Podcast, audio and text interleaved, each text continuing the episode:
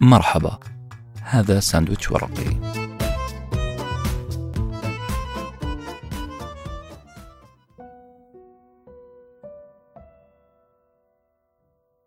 كنا قد تحدثنا سابقا عن التوقف عن لوم الآخرين لأن لومهم مهدر لطاقتك معطل لإمكانية التخطيط للبناء.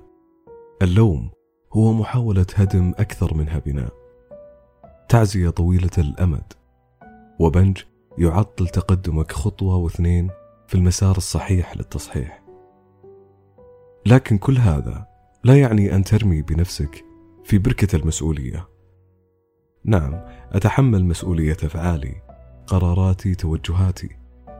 لكن هذا مو معناه أني مسؤول عن الانبعاج البسيط في شكل الكرة الأرضية البيضاوي. لست مسؤول عن تغيير قناعات شريك حياة لا يريد الحياة. لست مسؤول عن إيقاظ حب في قلب شخص ميت القلب تجاهي. هناك خيط رفيع بين تحمل مسؤوليتك وتحمل مسؤولية كل شيء في الدنيا. عندما استيقظت لحقيقة أنني تم استغلالي وأنني سلمت كل الناس ريموت حياتي قررت أن أمسك خيوط اللعبة. وهنا قفزت لمرحلة مهمة في حياتي. ولا تفرحوا لي كثير لأنها كانت غلطة كبيرة. انتبهت لها لاحقا. بهذه البداية النارية تحدثت لومينيتا عن فصل جديد في حياتها وهو هوس السيطرة. من إنسانة يعبث بها الجميع إلى إنسانة تريد تغيير كل شيء. تحول جذري كان له تبعات غير مريحة. أولها لومينيتا صارت مهووسة بتغيير الوضع الراهن بل بتغيير الناس حولها. كل الناس كل قناعاتهم وكل سلوكياتهم. حصل هذا بعد أن افترق ستيفان عن لومينيتا أنا تفهمت تصرف ستيفان بأنه يأس من اللوم المتكرر من قبل لومينيتا طبيعي أن تبرد العلاقة ويفترقوا. لكن بعد أن استيقظت قررت وقف اللوم. والبدء في مرحلة التصحيح وأولها استرجاع الشاب الوحيد الذي أحببته. رغم أن موقفه كان واضح أنه حتى لو رجعنا البعض آثار الحريق ستبقى في عقلي وعقلك أنا وأنت كالقطة والفأر. نحن ندفع بعض إلى الغضب والكآبة. سنوات عيشنا في أمريكا أثبتت هذا الشيء. لما لا ترجعي إلى رومانيا وتستعيدي روحك من جديد هناك؟ ستيفان كان يقول هذا الكلام المباشر والقاطع لي. أثناء محاولتي إقناعه بأن الأمور ستعود لنصابها أنا تغيرت. أنت راح تتغير إلا أنه كان مصر على قراره. الابتعاد أفضل لي ولك. نحتاج قليل من الصبر فقط. لكن ولأني فعلا تغيرت بدأت رحلة التحكم في حياتي. أن أسترجع هذا العنيد ستيفان كان أحد أهدافي. رغم كل رفضه مؤخرا سأسترجعه. استمرت اتصالاتها به واستمر هو في التجاهل أو في أحسن الأحوال. كانت ردوده قوالب ثلجية لا طعم لها. ولكني ما يأست. أردت إثبات نقطة أنني أنا من يتحكم في حياتي. أو هكذا كنت أعتقد. أن ستيفان جزء من حياتي اللي يتحكم فيها. حاصرته من كل اتجاه. أتابعه في وسائل التواصل أرسل له المسج ورا الثاني. وأنا داخلي يقين وهوس بأن أستعيد كل ممتلكاتي التي حرمني الزمان منها. وحصل اللي كنت أخطط له. في 2012 يعني بعد مضي سنة كاملة من الفراق ومحاولات استعادتي لأهم ممتلكاتي. ستيفان أخيرا وافق على لقائنا في يوم ربيعي هو الأجمل. جاء في موعده وفي المكان المتفق عليه. خرج من سيارته ومشى باتجاهي بخطوات ثابتة. وبمجرد أن رأيت ملامحه تتضح وانتبهت للابتسامة على وجهه انفتحت عيني بكامل اتساعها. هذه الابتسامة أعرفها تمام المعرفة.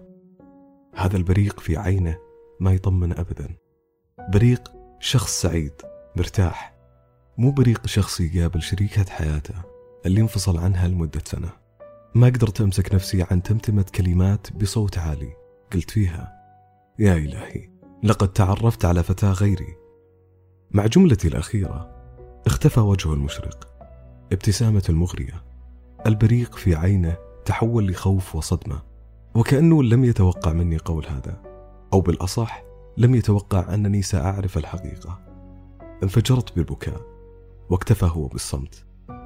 درت في رأسي ألف فكرة وفكرة وجميعها سيناريوهات مختلفة ومخاوف إلا أن فكرة منهم كانت هي الحقيقة الوحيدة.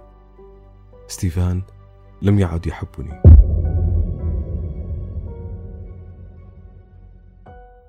وفي تلك اللحظة وضع على طاولة مصيري في الحياة ملف واحد. إن لم ترمي هذا الملف جانبا إن لم تتوقفي عن تجاوز رغبة مريضة في التحكم في شخص لا يحبك فأنت ستكونين أتعس أهل الأرض. سيقطعك الماضي بأنياب الذكريات ليل نهار. ستعيشين مع جراحك للأبد. عبارة قصيرة استوقفتني بهذا الخصوص.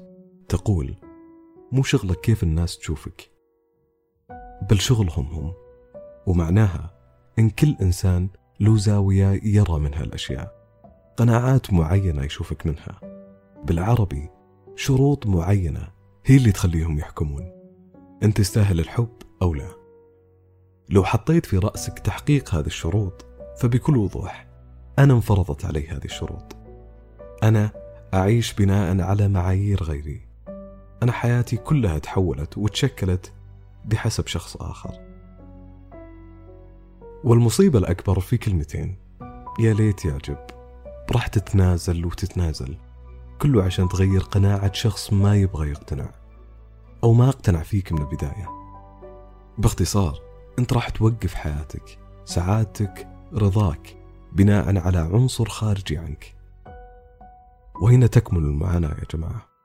نعم الحياة حلوة بوجود شريك حياة صديق عائلة محبة. لكن مين قال أن الصديق الزوج أو الزوجة الأخ أو الزميل هو دستوري في الحياة. نقدم تنازلات لبعض. نعم فالحياة تستمر بهذه الطريقة. لكن مو دوري في الحياة أني أكون شاشة عرض لما يريد هذا أو ذاك. مو قطعة صلصال تتشكل بحسب رؤية صديقي الفنية. سعادتي ما يحددها أحد غيري والأهم أنت شخصيا. ما تربط سعادتك ورضاك بحصول شيء معين في المستقبل. ركزوا في هذه النقطة.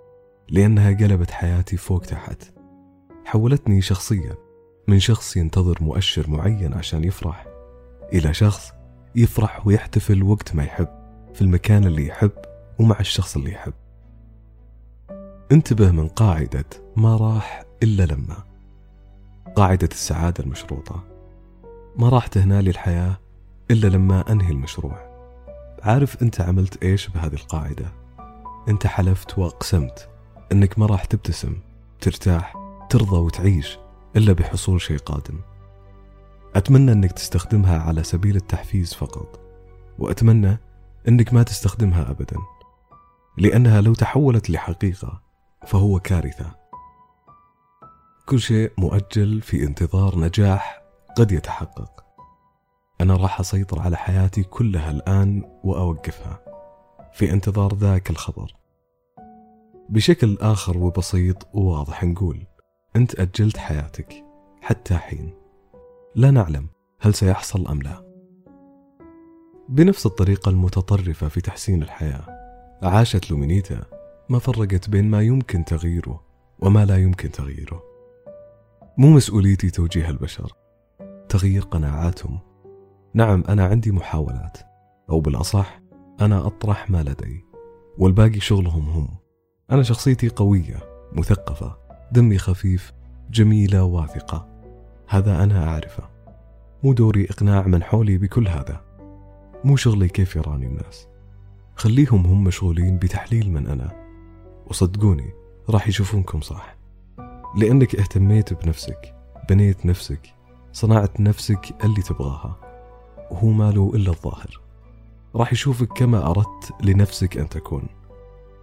والفكرة هنا مو بس أنك تكتفي ذاتيا وتجبر الآخرين على رؤية حقيقتك بل الأهم أنك راح ترمي حمل كبير عن كاهلك حمل تغيير الكون. في حفظ الله.